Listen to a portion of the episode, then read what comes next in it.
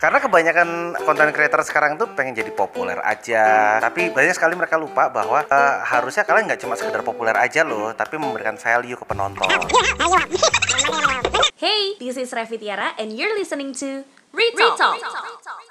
Dia sekarang udah bersama Denis Adiswara. Hai Kak Denis. Halo, apa kabar? Harusnya aku yang tanya apa kabar ya. Oh iya iya iya. Kebalik kebalik. Ulang ulang. Hai Kak Denis, apa kabar? Baik. Dia sekarang sudah berada di samping seseorang yang ternyata dia adalah Arema. By blood sudah melanglang buana ke penjuru barat. Kak Denis kemarin terakhir ke Malang yang di itu yang di sana macet-macetan itu ya? Iya iya iya, buat di daerah Araya waktu itu ya. Ha-ha. Saya kaget loh, Malang bisa macet segitunya. Bisa. Kalian jangan ketularan Jakarta dong, please. Karena sebenarnya Malang itu sudah jadi mini Jakarta. Ya, tapi saya senang Malang yang apa adanya, Oke. yang senang ngomong bahasa walian, gitu. Karena jujur aja ya, ngomong pakai bahasa gue lo tuh nggak keren. Gitu. Coba coba coba ngomong medok dulu coba. Jangan dong, aku tak lukup kok. Wetir aku dilokop. Waduh, kenapa ini jadi medok-medokan Ini gini? buat kamu lukup, itu tentang kekerasan pada wanita Oh, jangan. jadi oh. Maksudnya buat para pendengar, pria dan wanita. Loh, Hari ini Kak Denis mau ngapain sih di sini? Waduh. pengen ngasih tahu bahwa kalau mau jadi youtuber saat ini itu agak-agak rugi ya karena adsense-nya lagi rendah. Oh gitu. Oh jadi Essence sekarang lagi rendah, tapi nggak apa-apa dong. Eh, ada layaria kan yang menjadi pundi-pundi rupiah yang lebih besar pastinya. Ya mudah-mudahan gitu kita mau bantu di situ karena kebanyakan eh, konten creator sekarang tuh pengen pengen jadi populer aja tapi mereka lupa gitu banyak sekali mereka lupa bahwa eh, harusnya kalian nggak cuma sekedar populer aja loh tapi memberikan value ke penonton. Nah aku pengen bisa membantu teman-teman content creator yang punya ide bagus tapi mungkin butuh apa namanya butuh dukungan gitu loh terutama dari segi finansial. Oke, so now we're talking about creating content, konten kreator ke konten kreator. Sebenarnya konten kreator itu seperti apa? Konten itu apa sih, kakak? Kalau aku lihat konten creator itu adalah pihak-pihak ya, baik itu orang uh, maupun kelompok yang membuat konten uh, untuk dinikmati oleh para audiensnya, gitu loh. Nah konten itu bisa apa aja? Sorry, aku tak gelegein di sini. Gak apa-apa, Apa, coba, coba, kan? coba, coba, gelegeannya Denis saya di suara loh, Rek, coba.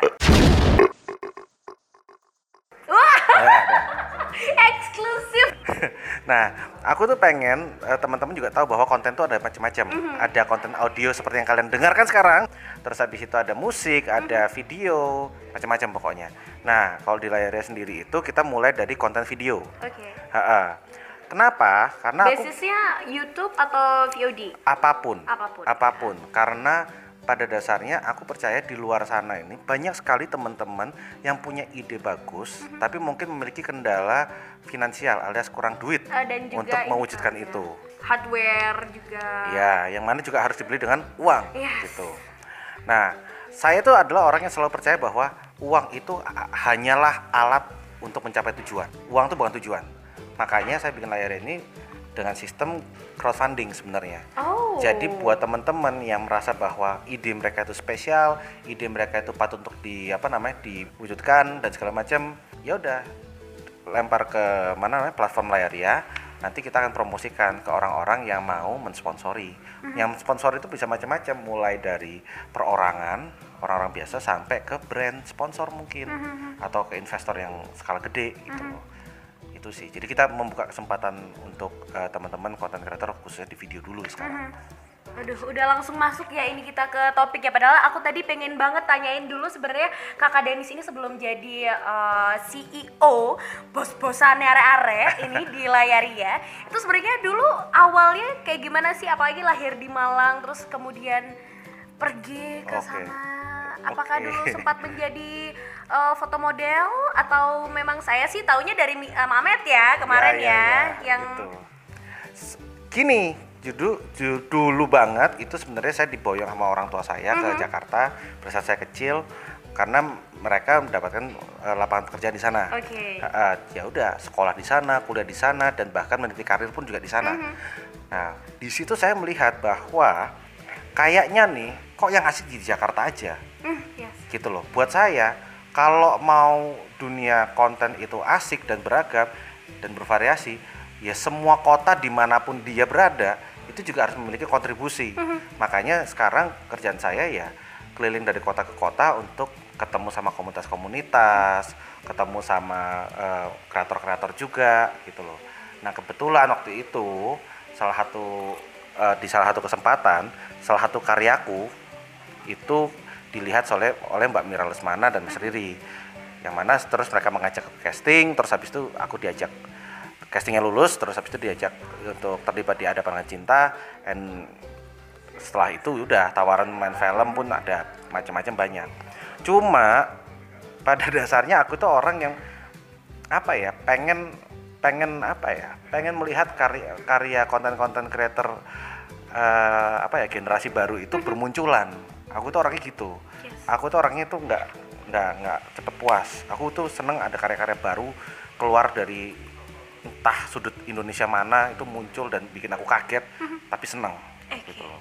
Apalagi di Malang sendiri kalau misalnya konten we're talking about content creator here yang udah kakak pernah dengar siapa deh? ya salah satu yang sukses dia ini Vindi terus Aha. habis itu aku suka dengan apa namanya video-video dia make up itu kan keren dan lucu dan punya uniqueness yang luar biasa.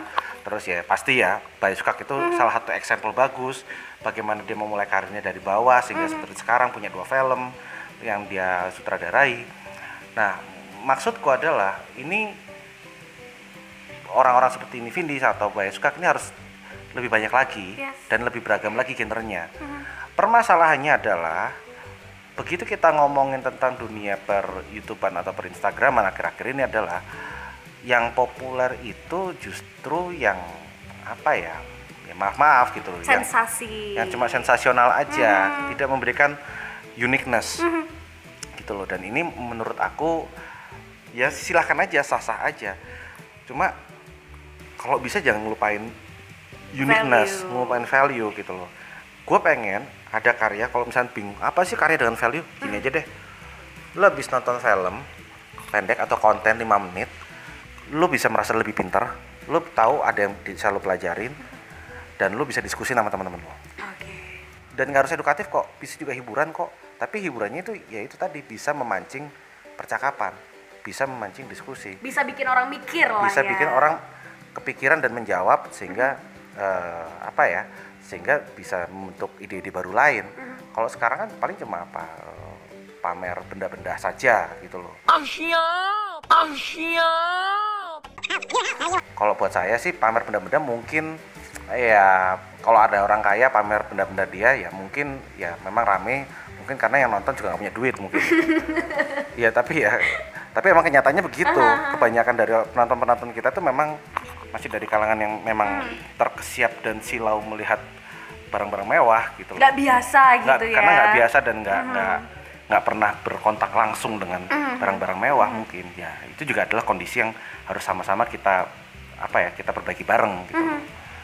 Itu sih. banyak sebenarnya kompleks gitu loh. Nah ini makanya aku nanti pada saat sharing session nanti pun juga akan aku jelasin bahwa penonton kita tuh seperti apa otak penonton kita tuh kebanyakan di Indonesia tuh seperti apa terus eh, apa yang bakal dicari apa resikonya kalau kita bakal gini terus Sebenarnya kayak gitu bisa dilihat dari mana sih kalau Kak Denis tadi bilang sebenarnya eh, apa yang ingin ditonton sama orang Indonesia itu kayak gimana? Itu Oke, simple. dilihatnya kayak gimana? dilihatnya kayak gimana ya sebenarnya kita harus petain dulu penonton kita tuh ada tipe yang seperti apa aja Kalau kitanya belum punya penonton gimana kak? kalau kita belum punya penonton Ah, ah. Ya kita harus cari orang yang seide dan sehobi dengan kita Alright. let's say eh, apa namanya aku suka film Mhm. tapi khusus untuk eh, tata suaranya aja Oke. nah itu aku cek ada nggak ya yang suka ada nggak komunitasnya Mhm. kalau ada komunitasnya ada di mana aja Mhm. harus cari tahu tuh jumlahnya banyak apa enggak kalau aku bikin ini kira-kira orang bakal tahu apa enggak ya itu ya harus harus dicek dulu kita kalau di dunia marketing istilahnya tuh harus ada captive marketnya dulu Oke. gitu loh harus ada eh, apa istilahnya calon penonton yang sudah standby Oke. siap siap melahap gitu loh. Aha, aha, aha. gitu Jadi benar-benar Ya, se- eh, salah satu salah satu hal yang belum banyak kita ketahui adalah memetakan siapa sih sebenarnya publik kita. ya siapa siapa audiens kita gitu loh banyak sekali teman-teman tuh mulainya dari eh, yang bagus adalah bagaimana dia mengutarakan keresahan di dalam diri dia terus Yes. dibikin konten itu juga nggak apa-apa bagus karena siapa tahu keresahan tersebut itu juga nyambung dengan kebanyakan orang. Cuma yang bisa membuat orang tersebut bisa lebih banyak penontonnya apa tidak adalah bagaimana cara dia menyam- menyampaikannya.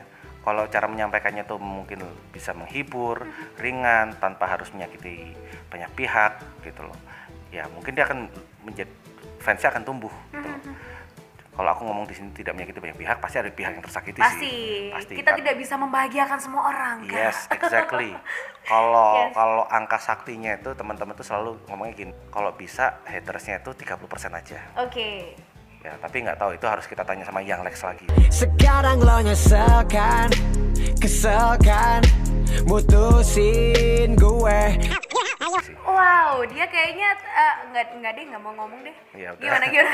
Kak Kak Denis aja deh yang komentar yang Ya Lex. udah. Tapi dia konten kreator juga dong. Iya, tapi kan Walaupun kreatornya eh, kontennya dia itu adalah memang konten yang sengaja untuk Iya, mengeluarkan karena- kebencian. karena dia memang tahu gitu Iya, karena iya, dia iya. mau tahu behaviornya orang Indonesia apalagi netizennya itu Paling suka untuk paling suka membenci. terpicu untuk eh, sebel ngomongin orang gitu sebenarnya itu ada sesuatu langkah Mm. bisnis yang tepat sih yang jitu sih sebenarnya serius walaupun cara begitu dia bener banget berarti ya untuk Un- membaca. ya kebetulan memang dia mencari target market orang-orang yang sebel sama dia gitu loh nah Ke- eh, dan kebetulan yang, yang sebelah sama dia juga lebih banyak daripada yang suka ya, sama dia. makanya aku juga nggak tahu itu itu ke depannya gimana bisnisnya Oke Nggak tahu deh. Oke deh kalau misalnya kita nih pengen start untuk menjadi konten creator apa sih langkah pertama Kak Denis sebagai eh, ya itu tadi eh, pengumpul-pengumpul konten-konten Iya. creator se universe. selalu mulai dengan mencari keresahan diri kamu sendiri. Oke. gitu loh. Raditya Dika itu bisa populer karena keresahannya dia dari zaman-zaman dia masih single Jomblo. dan jomblo. Makanya dia pakai temanya jomblo jomblo jomblo jomblo jomblo jomblo. Selamat malam teman-teman semuanya. Nama saya Raditya Dika dan saya galau Karena saya baru putus dari pacar saya. Dan konsisten. konsisten sehingga orang-orang penonton-penonton yang pernah merasakan jomblo atau tahu orang rasanya jomblo itu seperti apa relate sama kontennya. Begitu juga dengan misalkan Ernest Prakasa. Ernest Prakasa itu dari dulu dia mencintai orang yang sama setia banget sampai nikah punya anak. Dia punya keresahan sebagai pasangan muda. Nah itu di- dituangkan juga lewat karyanya. Begitu juga channel kok bisa itu edukasi dia punya keresahan bahwa kok kayaknya nggak ada ya channel animasi tapi edukatif di Indonesia yang bisa menyederhanakan hal-hal yang rumit menjadi lebih sederhana. Nah akhirnya sama dia dibikinlah channel kok bisa itu dan ternyata banyak penontonnya. Jadi selalu mulai dengan keresahan yang paling dekat dengan kita. Oke. Dari, dari gemesnya kita dulu lah. Dan apa yang akan disampaikan juga akan lebih tulus ya kan? Nah betul karena kita merasakannya gitu loh. Dan kalau kita Bukan Afgan ya kak ya? Tulus ya. Oh, oh. Bersama oh. Berusaha melucu. Aku nangis. Aku gak bisa ketawa, aku harus tulus menangis ini sekarang. Tidak bisa tulus tertawa. Oke, Eh bagus. Lanjut, lanjut. Nice try. Nice try ya. Ya, saya suka ini. ya, ini edukatif ini. Lanjut, lanjut. Konten, konten. Konten, konten, ya. Kalau buat saya pribadi, kalian lihat deh kreator-kreator konten yang sekarang naik itu pasti kebanyakan dan bertahan ya, Mhm. naik dan bertahan itu pasti mereka yang berhasil menggali keresahannya dan membungkus keresahan itu menjadi sesuatu yang bisa didiskusikan bersama Mhm. dalam bentuk tayangan Oke. gitu loh. Ada juga yang cuma nyari sensasi cepat naik, tapi dia pasti cepat turun Mhm, gitu loh. Dan buat mereka-mereka yang kayak gitu ya sebenarnya sekarang apa ya?